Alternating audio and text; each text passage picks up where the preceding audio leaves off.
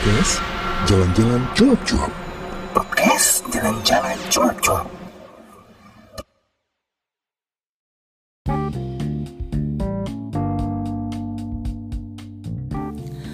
Assalamualaikum warahmatullahi wabarakatuh. Selamat pagi, siang, sore, dan malam. Di mana pun kamu berada dan pastinya masih ketemu dengan saya Danan Di jalan-jalan cuap-cuap Dan di edisi kali ini Gue gak tahu ini edisi keberapa Gue mau balikan lagi Buat ngomongin segala sesuatu Yang berhubungan dengan traveling guys. Gitu. Ya kita sudah the normal ceritanya. Walaupun nggak normal-normal banget gitu. Jadi gue ngerasa bahwa gini orang berpikir adalah the new normal yaitu adalah semuanya akan kembali normal Enggak guys, nggak bakalan kembali normal gitu. Jadi memang kita harus beradaptasi uh, apa ya? Akan banyak perubahan di dalam kehidupan kita gitu ya. Salah satunya adalah di dunia pariwisata gitu. Nah di kehidupan kita yang biasa-biasa aja nih kayak contoh kecil kayak gue lah gitu berubah gitu. Jadi gue sekarang uh, menjalankan pekerjaannya itu nggak 100% working from home tapi kita di split. Jadi pokoknya selama dua minggu eh dua hari di rumah kerjanya terus nanti tiga hari barulah di office. Nah untuk masuk ke office-nya itu itu banyak banget prosedur yang harus dilakukan.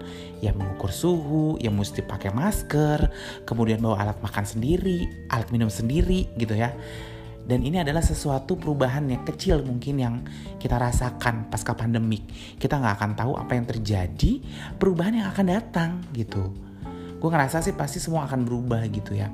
Dan di masa PSBB kemarin aja itu rasanya semua benar-benar berubah gitu. Yang kita tadinya bisa bebas keluar sekarang harus kemarin harus di rumah gitu. Kemudian kita sekarang juga keluar ke tempat umum ke mana pun harus uh, melewati beberapa protokol kesehatan. Nah bagaimana dengan industri pariwisata? Wow nah, ini menarik banget buat diomongin pastinya. Jadi gue bakal ngebahas kira-kira para travel blogger nih yang kemarin hmm, ini bukan nyinyir ya tapi gue cuma mau bertanya aja travel blogger kemarin yang selalu kelihatan jalan-jalan wararwiri riwariwi gitu ya ke mana-mana keluar negeri gitu di di akun media sosialnya tiba-tiba tidak ke mana-mana dan tidak melakukan aktivitas apa-apa gitu yang tadinya nih posting-posting foto, posting-posting video, ataupun posting-posting tulisan. Nah, sekarang gimana ya nasibnya mereka? Nasib gue maksudnya, karena sebenarnya gue juga travel blogger. Dan jujur sih gue kemarin tuh agak males gitu ya. Pokoknya ngomongin ataupun bikin konten yang berhubungan dengan traveling gitu kayak kayak ada sesuatu yang hilang aja gitu ya lu bayangin lah gitu uh, paling nggak sebulan sekali lu jalan terus lu bisa ke mana terus lu bisa sharing konten video foto tiba-tiba lu break di rumah kak tapi kan bisa kak uh, sharing konten-konten lama. Hmm konten-konten lama ya sharing basi kali. Enggak sih, jadi gue juga ada lah konten-konten lama. Jadi sebulan Februari kan gue sempet jalan juga.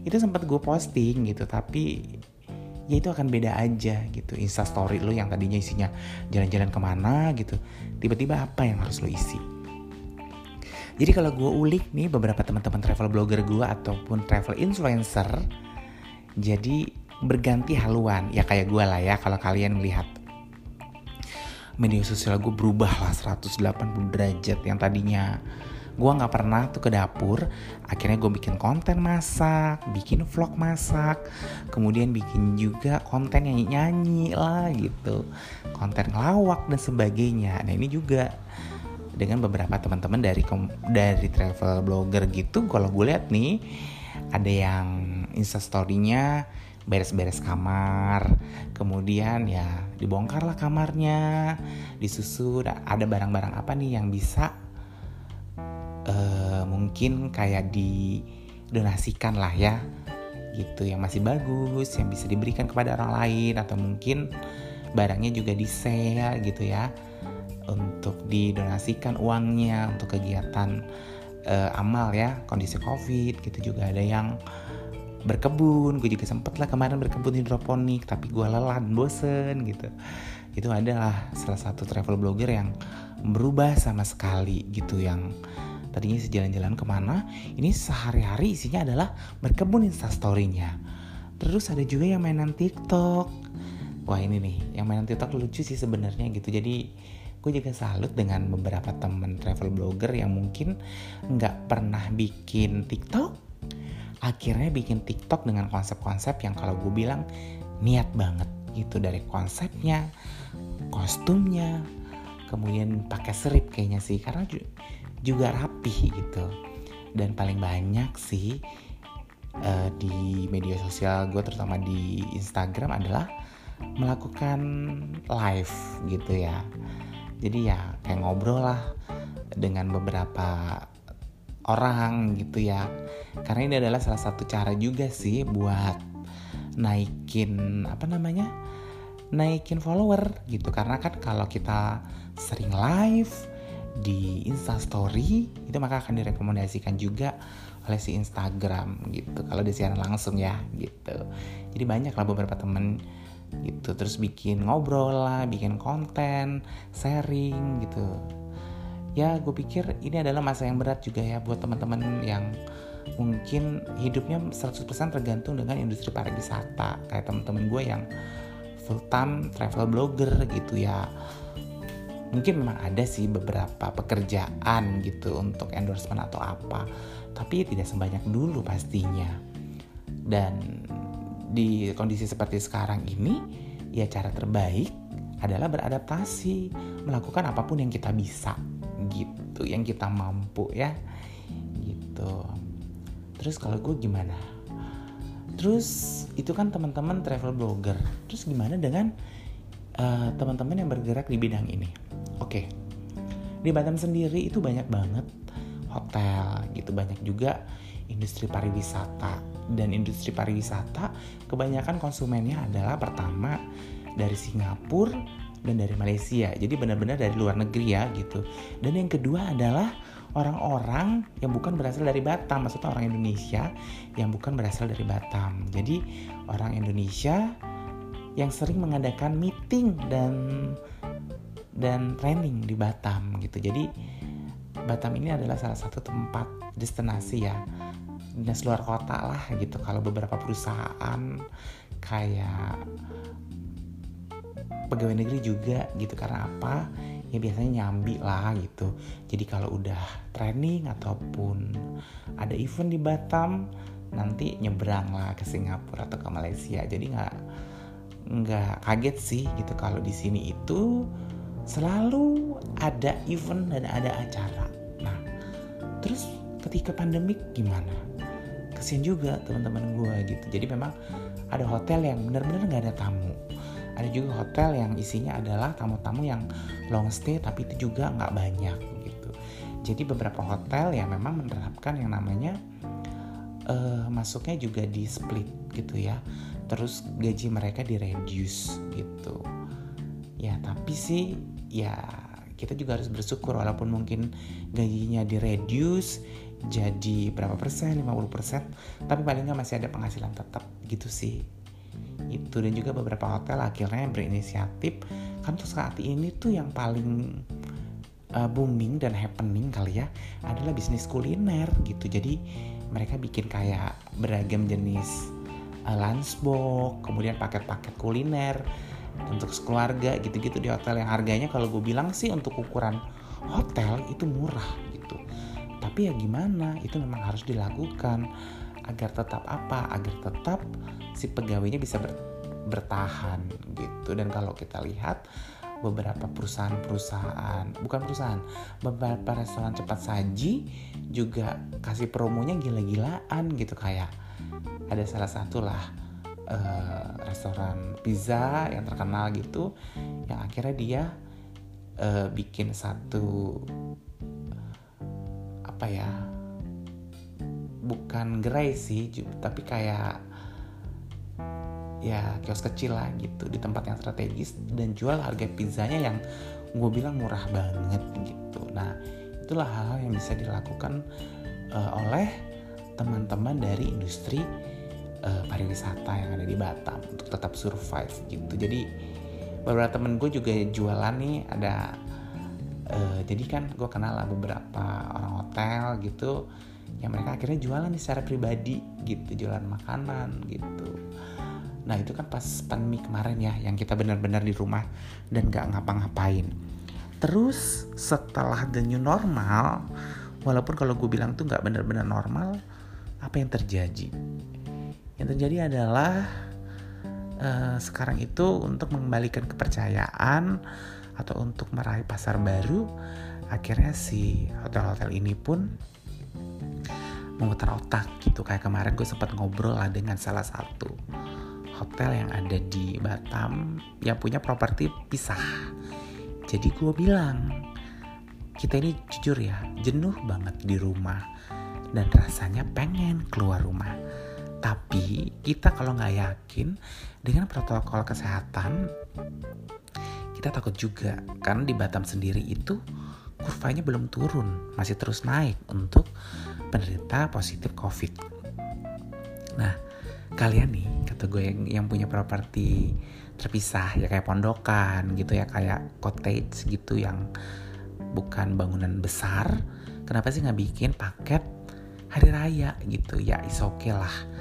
Uh, mungkin diselang-seling jadi satu properti kosong kemudian ada lagi isinya satunya gitu. Dan dilakukan juga prosedur kesehatan. Misalnya waktu check innya diatur biar gak banyak orang bertemu di satu lobby kemudian sarapannya diantar. Nah kalian bikin tuh paket hari raya merayakan hari raya Idul Fitri di uh, resort. Gue bilang gitu. Oh iya juga ya dia bilang. Akhirnya adalah beberapa hotel yang bikin dan gue lihat sih oke okay, gitu. Jadi ada juga pasarnya. Ya walaupun gue sih sempat mau ambil tapi nggak jadi. Karena gue juga takut ya masih takut lah gitu. Dan kondisi the new normal nih juga uh, beberapa hotel juga udah mulai terima tamu ya, tapi dengan prosedur tadi. Dan juga promosi yang gue pikir lumayan lah gitu. Gue juga kemarin sempet weekend ke salah satu resort yang ada di Batam gue stay. Sengaja sih gue pilih untuk resortnya adalah resort yang uh, jauh dari kota gitu. Karena gue yakin kalau jauh dari kota orang akan malas ke situ. Yang kedua adalah yang propertinya terpisah dia model pondokan. Dan yang berikutnya adalah gue meyakinkan bahwa si hotel atau resort ini sudah uh, menjalankan prosedur kesehatan. Dan kebetulan si hotel si resort ini itu restorannya habis kebakaran jadi dia tidak menyediakan makan. Jadi kita nggak ada sarapan dan kita diizinkan membuat bawa makanan atau kita masak di propertinya. Jadi gak gue pikir is okay lah gitu. Itu sih. Dan mungkin itu yang bisa gue lakukan ya gitu. Jadi uh, gue juga nggak mintain endorse karena gue pikir di tengah kondisi seperti sekarang ini kayaknya nggak bijak ya kalau gue tuh minta endorse gitu ya minta gratisan gitu. Karena mereka untuk survive pun itu susah gitu. Terus gue minta gratisan terus dari mana mereka buat menggaji karyawannya gitu. Ya tapi itu prinsip orang beda-beda ya. Mungkin ya memang untuk mereka yang kayak beberapa full time travel blogger yang memang penghidupannya dari endorse ya mau tidak mau ya gitu. Kalau gue kan memang itu bukan pekerjaan utama dan gue bisa mendapatkan penghasilan dari pekerjaan gue yang lain lah gitu. Jadi gue kayak balikin lah ke niat awal gue buat ngeblok itu apa gitu. Jadi kayak gue buat cuma buat catatan perjalanan dan sebenarnya ini kan adalah membantu gitu. Gimana industri pariwisata kembali bangkit gitu. Berharap sih dengan postingan gue dengan apa yang gue bikin tuh orang jadi percaya dan confident lah buat tinggal di hotel atau resort gitu gila ya. Gue juga nggak pernah menyangka akan seperti ini gitu. Tapi gini gue berharap semuanya akan uh, cepat cepat berlalu gitu ya. Ditemukan vaksin atau ditemukan obat-obatan untuk covid ini COVID-19 kemudian ya gue harap setelah itu semuanya uh, ditemukan kita udah bebas keluar maka gue pikir yang akan bergerak cepat adalah salah satunya ya industri pariwisata ini. Karena orang yang memang butuh buat keluar rumah buat liburan gitu. Nah jadi buat teman-teman mungkin Nah ini kalau udah industri naik nih pasti kan butuh yang namanya buzzer, influencer, ataupun orang-orang yang mempromosikan ini. Nah bisa lah kita kembali nih gitu ya untuk menekuni hobi kita nih gitu. Tapi ada teman gue sih yang kayaknya udah belok jadi beauty blogger aja deh katanya gitu. Secara di rumah aja nih jadi nggak ngapa-ngapain cuman make up make up aja. It's okay nggak apa-apa gitu sebenarnya. Gitu. Nah untuk kamu nih mungkin yang memberikan tanggapan, respon ataupun pertanyaan atau mungkin ada ide ya tentang obrolan traveling ini ya monggo silakan aja mampir di blognya aku di www.dananwahyu.com atau mungkin bisa ngirim email ke dananwahyu@yahoo.com atau mungkin natar.city@yahoo.com untuk Instagramnya untuk Twitternya tetap dananwahyu gitu. Kalau gue sendiri uh, jujur sih gue juga belum mulai nih nulis-nulis traveling. Tapi gue udah bikin konten sih kemarin gue ngirim di resort itu gue bikin video uh, dan banyak sih dapat pertanyaan dari teman-teman. Orang terdekat lah. Teman kantor yang nanya oh udah aman ya di sini? Bisa. Gue bilang is okay. Kalau lo mau liburan di sini nggak apa-apa. Karena tidak terlalu ramai dan tempatnya juga luas jadi bisa menjaga jarak dengan orang lain gitu. Jadi gue pikir ya uh, menjadi influencer atau travel blogger gitu itu tidak untuk sesuatu yang besar sih. Gue ya melakukan hal-hal kecil aja yang gue bisa gitu karena gue kan nggak full time di situ. Jadi ya berharap uh, energi gue kan terbagi buat kerja lah gitu. Dan gue juga sekarang ada aktivitas lainnya. Gitu.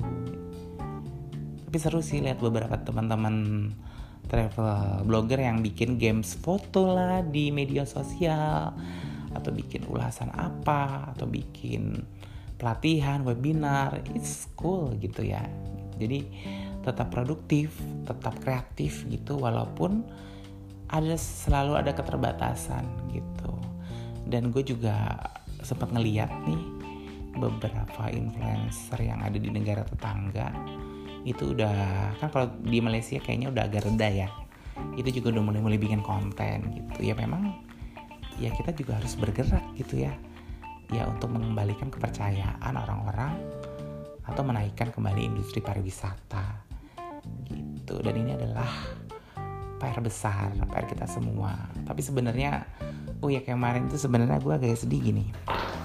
Ups ada suara apa itu? Jadi uh, ceritanya kan gini. Kita itu udah masuk the new normal, udah digaungkan lah di the new normal gitu.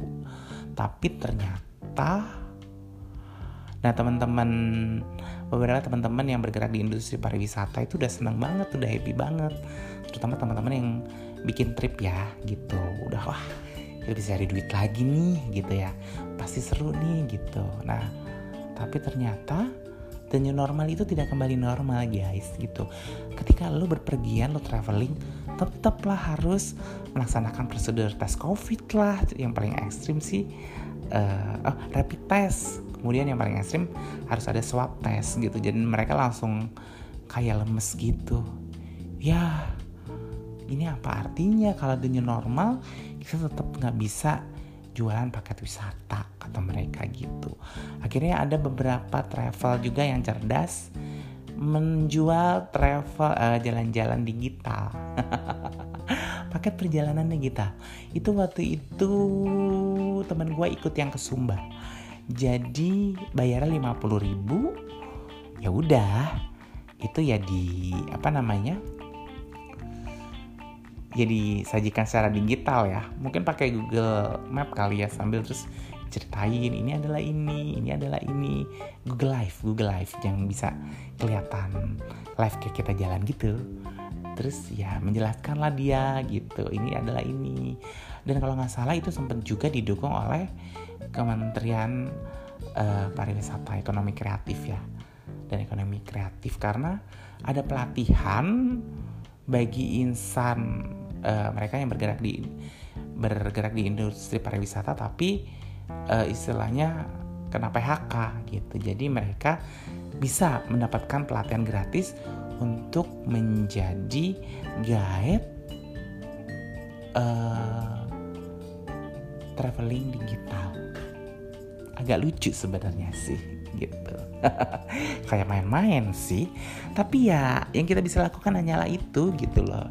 Jadi agar orang juga tetap apa ya tetap ingat gitu tetap aware tetap ada keinginan dan rasa penasaran untuk traveling jadi kan perlu di maintain nih gitu ya jadi ya itu tadi adalah jalan-jalan digital gitu seru ya dan emang gue nggak pernah nyangka gitu teman-teman gue juga akan menjadi kreatif ini di situasi pandemik.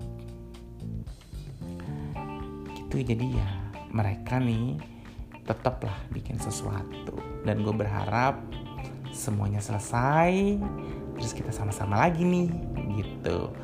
Membangun kepercayaan masyarakat untuk kembali berwisata kemudian untuk membantu teman-teman yang bergerak di industri pariwisata uh, jualan lah gitu. Oh iya gue juga sebenarnya bukan punya utang tapi gue punya piutang.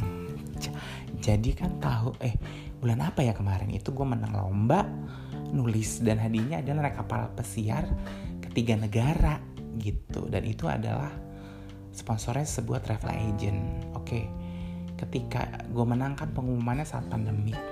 Terus si apa namanya si panitianya dari si travel agent itu bilang maaf ya mas sepertinya kita tidak bisa melakukan perjalanan. Ya iyalah gue bilang gitu. Kapal pesiarnya aja juga pasti nggak ada lah yang jalan. Iya dia bilang gitu dan kita nggak tahu kapan. Jujur gue sih sebenarnya juga nating tulus aja. Maksudnya ya udahlah kalau seandainya tripnya nggak jadi ya udah gitu tapi mereka akhirnya bilang kami tetap catat sih mas kalau itu kapalnya jalan lagi dan semuanya kembali normal, kita tetap akan melakukan perjalanan dengan para pemenang katanya. Ya wis lah, sekarang kan yang penting gue bilang adalah semuanya sehat gitu, semuanya bisa kembali beraktivitas gitu, bebas beraktivitas, berkarya gitu. Jadi ya fokusnya adalah gimana caranya agar kita tetap sehat? Itu aja dulu. Masalah lainnya sih gue bilang ya itu balikan ke rezekinya kita aja. Gitu. Gue lucu deh kalau inget itu. Beneran deh gitu. Karena pas mau ikut lomba kan di awal-awal pandemi gitu gue udah bilang wah kalau menang lumayan nih seru nih gitu ya. Jadi kapal pesiaran dari Singapura kemudian ke Malaysia kemudian ke Thailand itu kalau nggak salah sekitar lima hari atau tujuh hari gitu. Kan lumayan tuh.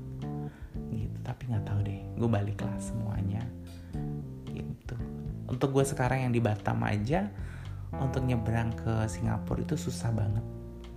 Bukan susah sih syaratnya berat.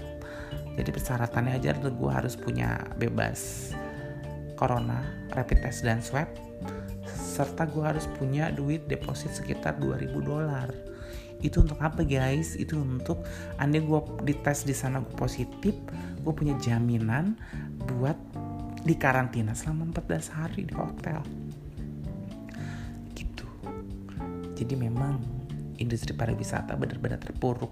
Walaupun katanya sudah ada new normal sudah ada penerbangan tapi untuk uh, untuk apa namanya untuk melakukan traveling itu ya hanya mereka yang benar-benar penting aja gitu. Kayak pekerjaan atau mungkin urusan keluarga. Tapi untuk jalan-jalan tuh kayaknya aduh masih jarang banget nih gitu. Ya gila aja ya harga tiketnya pasti naik. Setelah kursi diselang-seling gitu uh, isi pesawat cuma 2 per 3 yang artinya sepertiga ini harus harganya dibebankan kepada 2 per 3 penumpang itu dari segi harga pesawat belum dari rapid test yang hanya berlaku tiga hari belum swab test yang uh, biayanya jutaan gitu ya berat nih jadi travel blogger. Kalau lu dapat undangan paham trip, terus cuma ditanggung tiket doang. Hello, biar rapid testnya gimana? Makanya banyak yang belok nih jadinya. Ya udah deh. Ini curhatan juga sih sebenarnya, curhatan gue sih. Walaupun gue pengen banget sih traveling jalan gitu. Will sih lah, semoga semuanya baik. Terima kasih udah mendengarkan aku yang uh monolog ya, bercuap-cuap sendiri, curhat gitu ya. Tapi ini adalah bagian dari suara hatiku sebagai seorang travel blogger. Terima kasih dan kalau ada kata yang kurang berkenan atau ku minta maaf ya. Tolong dimaafin. Kalau ih ih ngomongnya julid, nyinyir. Hmm. masalah julid dan nyinyir itu kan hanya masalah perspektif aja. Atau mungkin hanya intonasi omongan gitu. Kan bisa aja ngomongnya terus nasib kayak gini lah. Terus nasibnya para travel blogger gimana? Nah itu kalau gue lagi intonasinya baik hati. Cuman kalau lagi nyir terus nasib travel blogger gimana lo jadi di rumah aja yang tadinya jalan-jalan. Itu aja sih. Oke. Okay. terima kasih. Wassalamualaikum warahmatullahi wabarakatuh.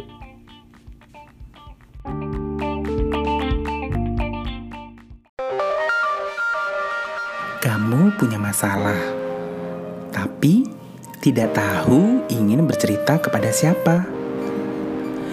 Memang sih, bercerita tidak selalu menyelesaikan masalah, tapi setidaknya dengan bercerita kamu menjadi lega.